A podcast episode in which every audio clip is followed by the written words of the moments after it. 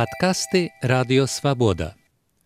Толькі жанчыны з Ганнай Соусь. Толькі жанчыны кампетэнтныя і крэатыўныя жанчыны. абмяркоўваюць розныя тэмы.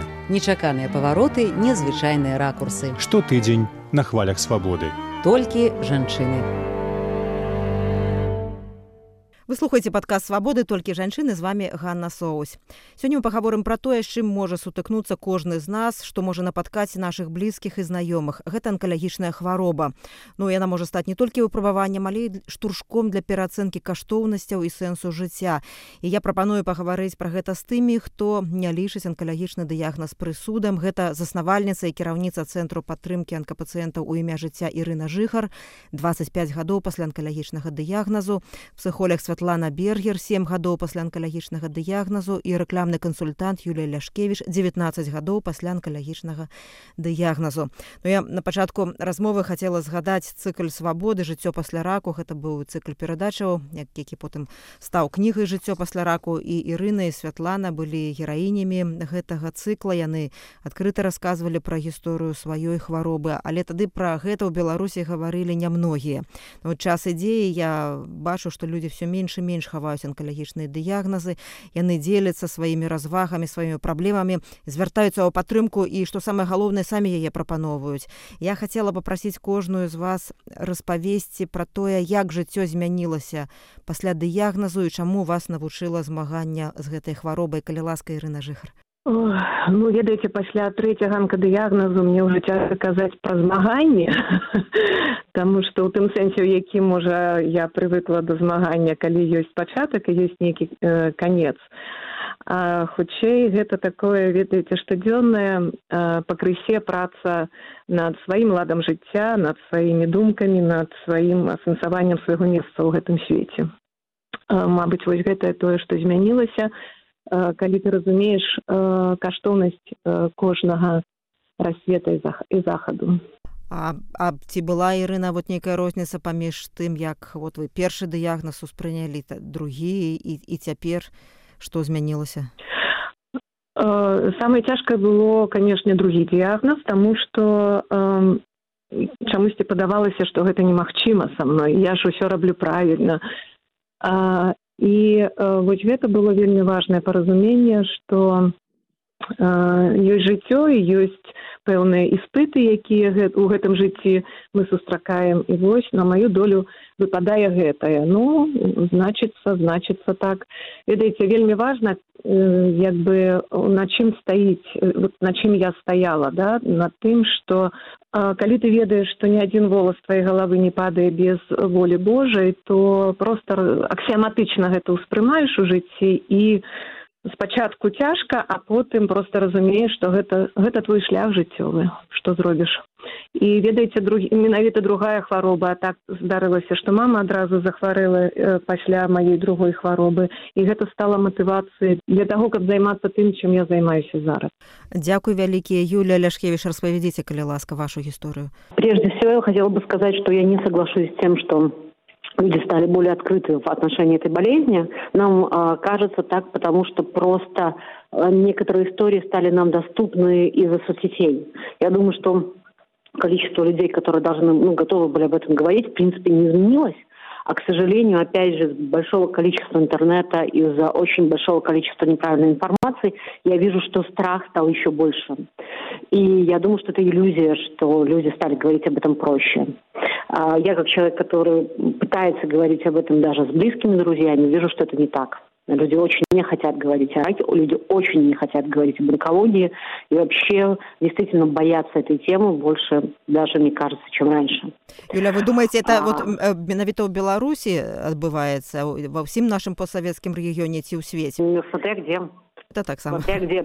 Я, дело в том, что мы по цветам чаще всего имеем в виду э, там, я не знаю, там, Америку, Европу. Да? Если мы посмотрим данные в Индии, там огромное количество скрывается. Там, э, в принципе, я изучала, что статистики как таковой нету, потому что огромное количество людей умирает от онкологии, естественно, даже никто никогда не ставит диагноз. Нет. то есть, ну, э, под всем светом не надо понимать то, что мы а, видим, опять же, в интернете, смотрите, сейчас никто не понимает, что в пневмонию приходит, а вы хотите, чтобы с все было понятно. Но а по поводу изменений в жизни, а, я хочу сказать, что, конечно, онкология очень сильно дисциплинирует, потому что когда я, опять же, разговариваю со своими друзьями, знакомыми, это люди там с высшим образованием, это люди хорошо, хорошо продвинутые, меня удивляет то, что ты спрашиваешь, там, когда ты делал полный анализ крови, последний раз, человек говорит, ну, лет 6-7-8 назад. Ну, для тебя, конечно, жизнь приучает к тому, что ты делаешь там каждые полгода развернутый анализ, ты следишь за всем, ты более внимателен и чуток к каким-то вещам, поэтому вот даже мне врачи говорили, что часто бывает, что люди, которые пережили рак, так называемый, выжившие, вырвало, они как бы могут прожить и дольше именно из-за такого, о чем другие люди, именно из-за такого очень внимательного отношения к себе, конечно, вследствие того, что у меня онкология в семье была не только у меня, но и моей мамы, и у мамы она была гораздо более тяжелой и смертельной, собственно говоря, форме, а, конечно, ты становишься более продвинут в этой теме, и ты пытаешься людям про это рассказывать, и знакомым, и незнакомым, и для меня еще всего профессии, то есть ты хочешь как бы поделиться знаниями, ты понимаешь, что вот всего... Но, но больше всего это, наверное, да, это бережное отношение к себе. Вот, и вообще вот понимание того, что э, вот, э, надо очень аккуратно относиться, очень быть э, пробивным, смотреть, потому что, к сожалению, тот уровень профилактического осмотра, который есть у нас в стране, он очень низок. И э, здоровье наше собственное в наших руках, насколько мы бдительно к этому относимся. А як змяніліся ваши каштоўнасці ваш погляд на свет что для вас никак, стало никак никак, никак. У меня вот э, очень удивительно, это не стало никаким ни переломным моментом, ни, ни моя, как бы, ну, ни мамина болезнь, как говорила моя мама. К сожалению, вот такое случается, и вот это случилось со мной. Э, болезнь может быть, то есть э, как-то Э, чтобы это изменило мой взгляд, ценности. Ну, ты должен быть порядочным человеком, вне зависимости от того, случилась у тебя онкология или нет, да, и отношение твое к людям, оно ну, не меняется ли, или как бы там людей к тебе бывает, конечно, с тем сложно.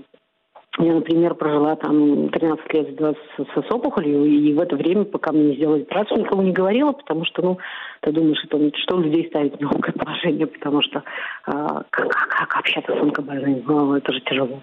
Вот. Ну, а нет, ну, я, я бы не сказала, что это прям вот как-то меня поменяло. А страдания мамины, отношения у нас, например, к родственникам врачей, то в каком состоянии сами находятся врачи медицины, конечно, это очень много мыслей. Но это скорее от всего того, что вокруг, а не сама болезнь, потому что ну, я не, как сказать, а, я не придаю какого-то сакрального значения этой болезни. Да, то есть я много раз говорила о том, что а, у Сьюзан Сондек была вот о том, что да, там наше мое намерение, когда написала о раке, не, не возбуждай страсти, но мы его так утихомирить. Вот точно так же, как туберкулез когда-то считался прям такой болезнью тонких душ. А теперь онкология, потому что ну, не очень понятно, как она там, когда она к себе придет, почему и прочее. И, ну, иногда и придает прям такой вот у меня такого не было. Не, не могу ничего сказать. Дякую вялікі Святлана калі ласка вам слова э, Добрый день. Я соглашусь э, ну, практически во всем э, с нашими собеседницами, и с Ириной, и с Юлией. И, с Юлией. и думаю, что, наверное, если как-то очень коротко объяснять, что со мной произошло, то я стала намного внимательнее к другим людям. Я намного трепетнее отношусь сейчас Э, к другим жизням.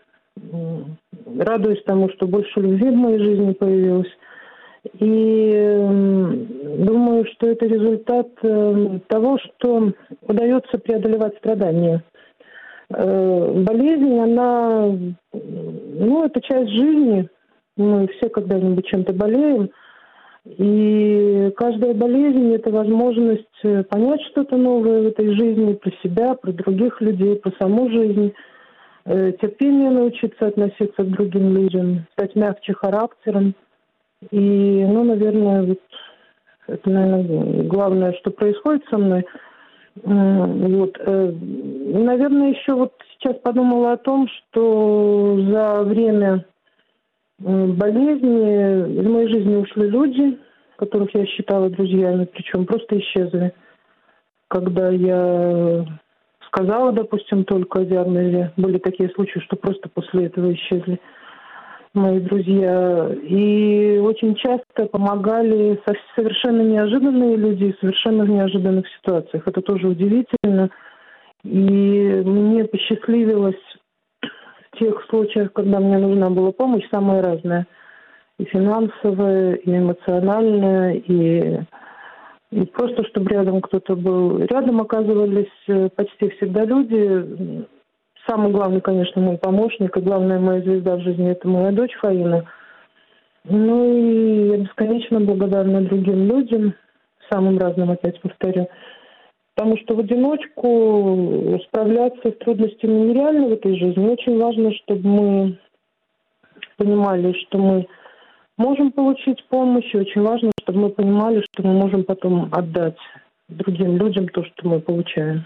Дзякуй Святлана вот вы якраз і былі ў гэтых першых групах ну магчыма не першых а ў групах ўзаемапатрымкі анкапацыентаў якія стварыла Ірына жыхар ну яна фактычна першая ў беларусі гэта стварыла ну, я да, наколькі да. я бачу я цяпер сачу праз фейсбук что это сур'ёзная сетка ўжо па ўсёй краіне створаная ну, вялікая супраца адбываецца і дактароў і пацыентаў і ёсць заўважныя акцыі вот летась была спартовая акцыя Ірына вот колькі людзей праз гэтыя гады прайшло праз вашай групы ўзаемадапамогі як надоўга там людзі застаюцца што вот вот вы лічыце здабыткам вашай працы? На што плануеце зрабіць Ну я хочу просто вот пра паняцце групу взаемадапамогі каб это не ўсё ж таки не гучала што я першая гэта не так. Я лічу што першыя групы взаемадапамогі ствараюць ствараліся калі людзі былі у адной палаце. Такія спантанныя калі адзін аднаго падтрымліваюць таму што мы звычайна абменьваемся тэлефонамі і працягваем. Таму вот так э, спантанныя групы яны існавалі заўсёды потым былі жанчыны у тым ліку Ірына казуліна якія стваралі і казалі пра гэта пачалі казаць публічна. І таму я хутчэй працягваю тое што вот пачала Ірына і тое што робяць ва ўсім свеце вот у беларусі не было таму што я вельмі сама у мяне была вялікая патрэба. А, калі, і таму калі казаць пра вось такія устойлівыя групы ўзаемадапамогі то на сённяшні дзень ёсць у 12 гарадах ініцыятыўныя такія каманды групы Э, жанчынаў э, мужчыны неахвотна э, ідуць у такія групы. Ну і, і не толькі ў беларусі гэта паўсюдна па ўсім свеце так. І калі вот непасрэдна казаць якія не проста раз пораз а якія вот у Э, удзельнічаюць на некай пастаяннай аснове не губляюцца то гэта ну некалькі соцень там э, ну, няхай там да трох соцень чалавек якіх мы можам па спісе просто адсачыць да якіх мы э, фіксуем а колькі прыходзіла вось такім чынам просто паразмаўляць просто на сустрэчы на мерапрыемства то я нават ужо не магу сказаць таму што ну ўсіх не падлічыш да Калі казаць пра тое што што ўдалося ну мабыць тое што вот э, калі табе тэлефануе журналіст які гаворыць Ірина хочу вам э, падзякаваць за тое што вы робіце таму што яшчэ тры гады мы не маглі знайсці герою у свае перадачы анкапацыентаў то зараз праблему гэта няма зараз выходзіць вот у садсетках ствараюцца такія вот клубныя групы якія таксама выходзяць каб параіцца па тым як развівацца як дапамагчы сабе. То есть люди зараз вот паціху паціху пачынаюць дзяліцца сваімі гісторыямі ў сацыяльных сетках у першую чаргу і развіваецца вось гэта такая узаемадапамога я думаю что пэўны ўнёсак зрабіла і наша арганізацыя і наша дзейнасць публічная мы плануем у гэтым накірунку працягваць гэтую працу зараз ствараем такую метадычны дапаможнік як лепей як зрабіць такі алгарытм да, тым хто хоча ствараць гэтыя групы як гэта можа працаваць. Ну і зараз мяняем сайт каб можна было тую правереную інфармацыю абмяркоўваць на гэтых групах.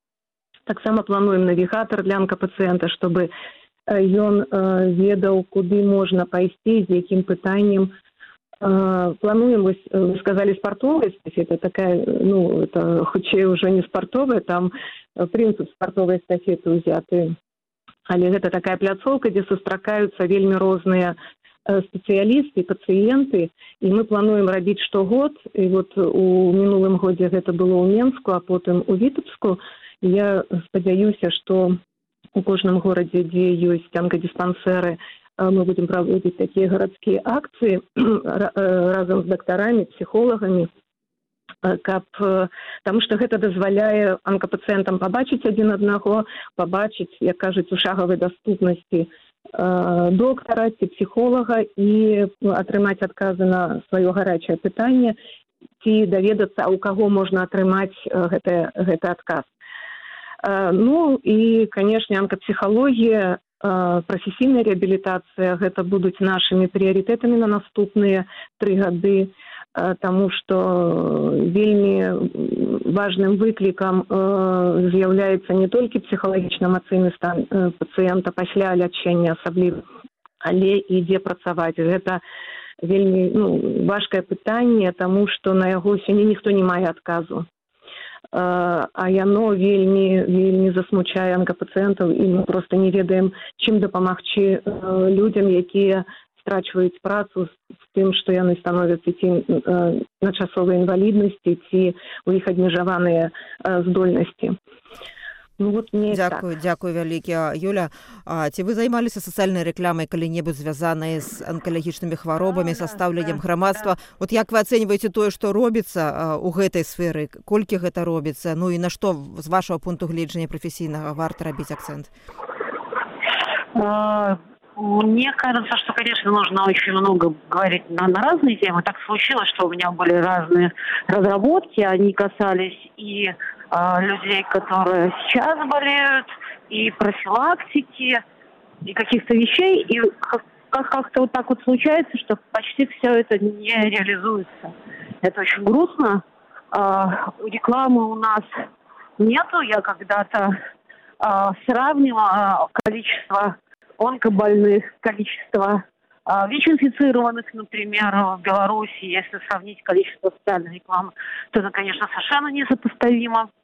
А, вот, то есть а, у нас просто по всем фронтам реально очень-очень мало информации. А то, что делает Ирина, это вообще просто ну, невероятно, потому что у нас есть хоть какое-то место, куда люди могут пойти. Раньше его не было, и сейчас люди могут узнавать и про питание, потому что делалось там много областей и про какие-то свои права, что очень важно, а, потому что на самом деле люди не знают, что у нас при постановке определенной группы а, когда ну, у тебя а, в, заболевание в определенной продвинутой стадии, а, тебе ставят инвалидность, при которой тебе запрещают работать, даже если работодатель согласен, чтобы ты работал. И работодателю нужно искать разного рода кульбиты для того, чтобы взять тебя на работу. Это, конечно, ну, совершенно неправильно. А, и а, профилактика, и уже здесь очень важная тема, это мужчин, потому что а, нету, как ни странно, как будто не, не сразу звучало в первый раз на слух, но есть ну, понятие такого как бы, э, не то чтобы стереотипа, да, но правила поведения во время болезни и как-то более-менее представляется, как должна, себя, должна вести себя в момент женщина. Но совершенно непонятно, как вести себя мужчина, на которого сталкивается иногда, ну, сваливается иногда тяжелый диагноз, но как бы вся наша история о том, что там нельзя жаловаться, еще как себя вести, а, как, как себя поддерживать, кому обратиться, кому ты можешь жаловаться на самом-то деле. А, то есть, ну, проблем очень много там. А, делать, делать, делать. И самый главный, наверное, вопрос это вот как преодолеть дичайший страх, потому что, конечно, онкология вызывает у людей очень взрослых, очень умных состояний просто я хочу закрыть глаза, как маленький ребенок, и тогда чудовище исчезнет я не хочу ничего об этом знать. А, то есть у людей вот есть такой очень большой страх, и его нужно, конечно, преодолевать, и а, нужно еще понимать, что после того, когда пациент уходит, э, больной, онкобольной, еще остаются очень сильные последствия для семей, потому что родственники, которые остаются, у них очень большие проблемы. психологические проблемы, со здоровьем проблемы, ну и вообще. То есть это такой прям, я бы сказала, такой посттравматический военный синдром у людей, которые пережили очень тяжелую болезнь родных, а потом их уход. Дзякуй ну так акрамя посттраўматычнага сімптому жыв, ж вельмі жывыя самыя розныя стэеатыпы памылковыя уяўленні пра рак і пра онкапацыентаў Святлана вот з чым вам даводіцца сутыкацца і як вы мяркуеце ці ёсць закрытыя альбо непажаданыя для абмеркавання тэмы звязаныя з анкалагічнай хваробай ну, я могу согласиться с Юлей в том что в общем на сегодня также люди не хотят говорить о раке как раньше и мало что, на мой взгляд, изменилось. Больше стало, конечно, возможностей. Это действительно фантастически важно то, что делает Ирина Жихарь и все наши подруги, и организация военной жизни онкопациентов очень много усилий прикладывает. Другие инициативы тоже есть, которые объединяют онкопациентов онкологов. Какие-то в какие-то уже что-то сделали, но все равно при этом информации в обществе, на мой взгляд, нет – рекламы. Я вот даже сейчас я вообще ничего не могла вспомнить, никакой рекламы, связанной с э, онкологией, с раковым, с раковыми заболеваниями. Что касается стереотипов, то на фоне вот того страха, о котором говорит э, Юлия, при этом люди не понимают, что это вот ну, совершенно особое лечение Э, при раковом заболевании, оно в корне отличается от других способов лечения, потому что после операции, после химиотерапии, облучения меняется все. У человека, э, человек переживает действительно очень сильнейший э, кризис, после которого надо восстанавливаться. И вот я могу сказать, что в 2017 году у меня был рецидив, потом около года была химиотерапия – то есть она закончилась э, в 2018 году. И вот сейчас уже 2020 год, я еще не могу сказать, что я восстановилась после вот этого рецидива. То есть тут речь идет на, не просто там на дни недели, как при, при обычных заболеваниях после обычных операций, а речь идет на, о месяцах и даже годах, когда надо э, восстановиться, когда надо опять перестроить свое сознание, свое отношение к жизни и, и вернуться действительно часто э, или проблематично, или очень трудно, или вообще нереально найти работу человеку с инвалидностью.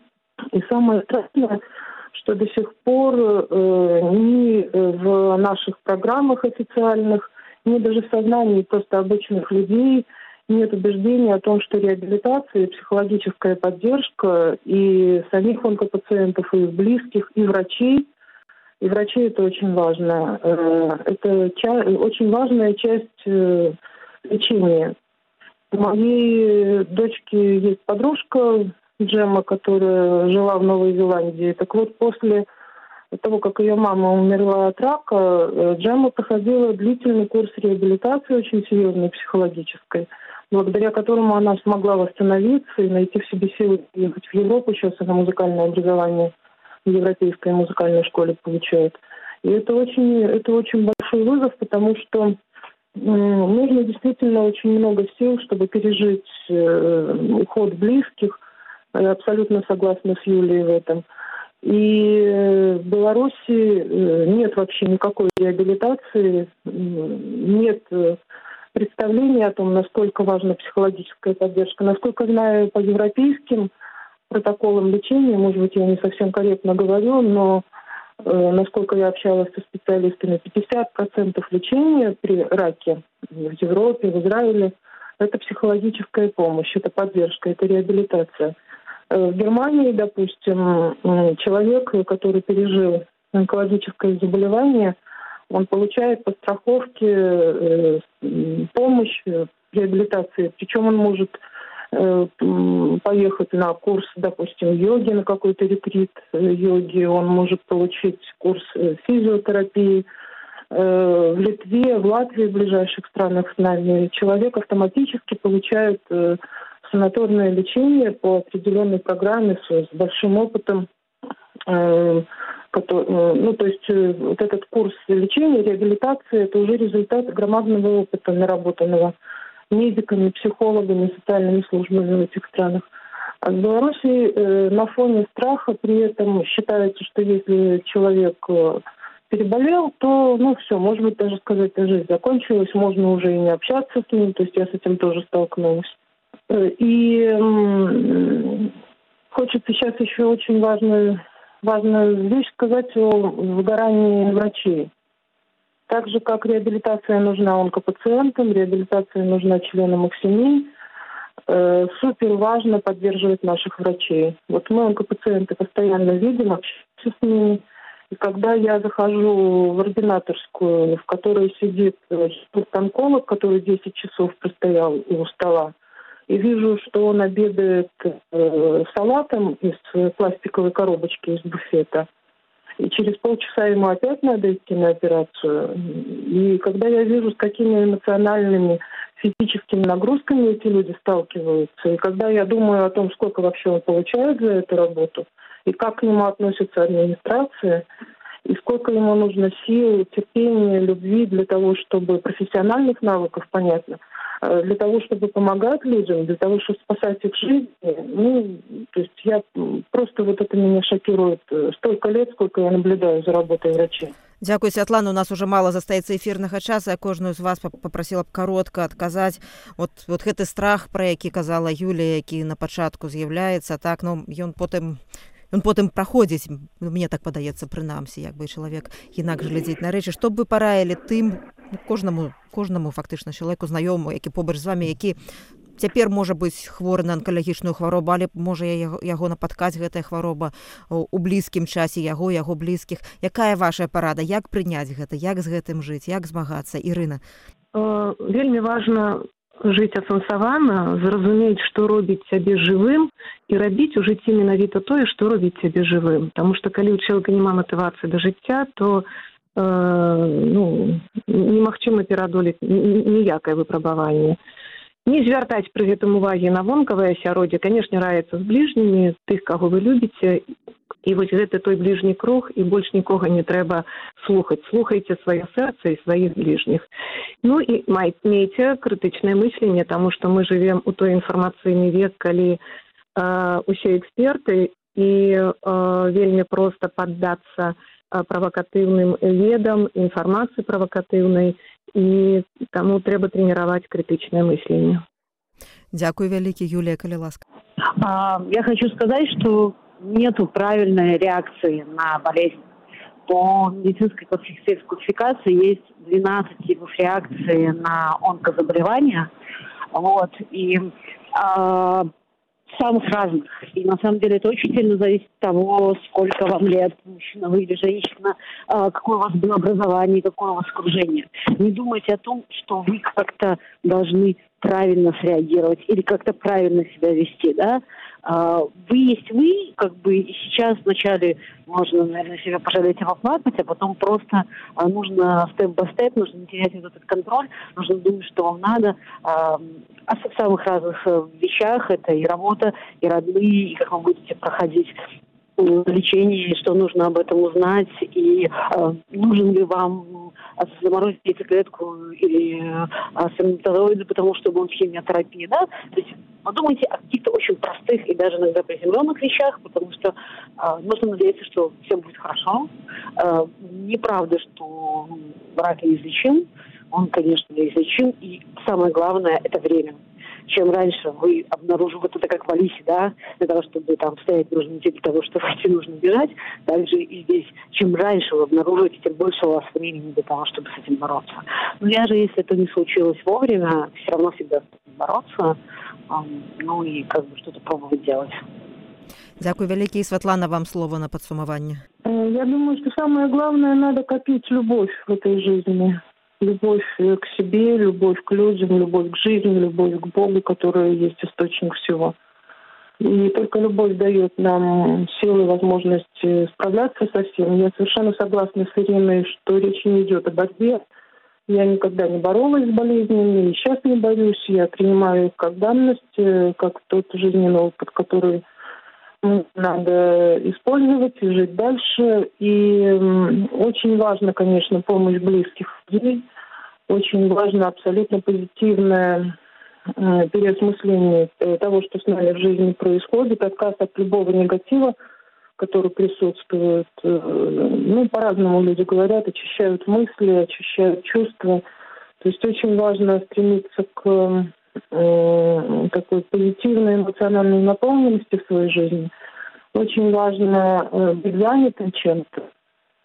Семья, работа, близкие люди, э, любая идея, которую человек несет в своей жизни, которую он посвящает своей жизни, это все способно нас и защитить, и защитить от болезни, и помочь вылечиться. И очень важно, конечно, быть супер внимательными и бережными к своему здоровью. Вовремя проверяться, вовремя делать самые элементарные анализы, искать хороших врачей. Слава богу, в Беларуси они есть. Э, я э, пользуясь возможностью, даже хочу выразить глубочайшую мою признательность врачам и специалистам – центра имени Александрова в Минске, который находится в Боровлянах. Там фантастически грамотные любящие врачи, там особая атмосфера, которая спасает тысячи людей. И э, наш пример, вот Юлии, Ирины и мой, просто это вот может быть самое главное подтверждение того, что рак это не Э, то, э, что должно вызывать у нас панический страх, это просто одно из заболеваний, ну или одни из заболеваний, там есть же десятки, сотни видов.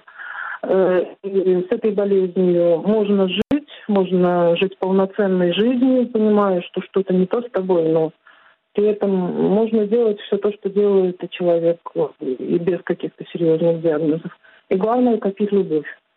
псіхолог Святлана Бергер, рэкламны кансультант Юлія Аляшкевіч, кіраўніца і заснавальніца цэнтру падтрымкі анкапацыентаў у імя жыцця Ірына Жыхар бралі ўдзел у падкасці свабоды толькі жанчыны.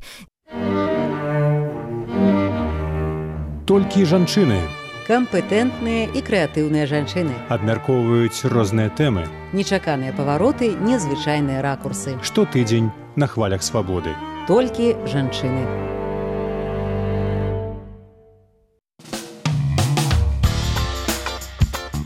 Вы слухали падкаст радыё свабода. Наступны выпуск праз тыдзень.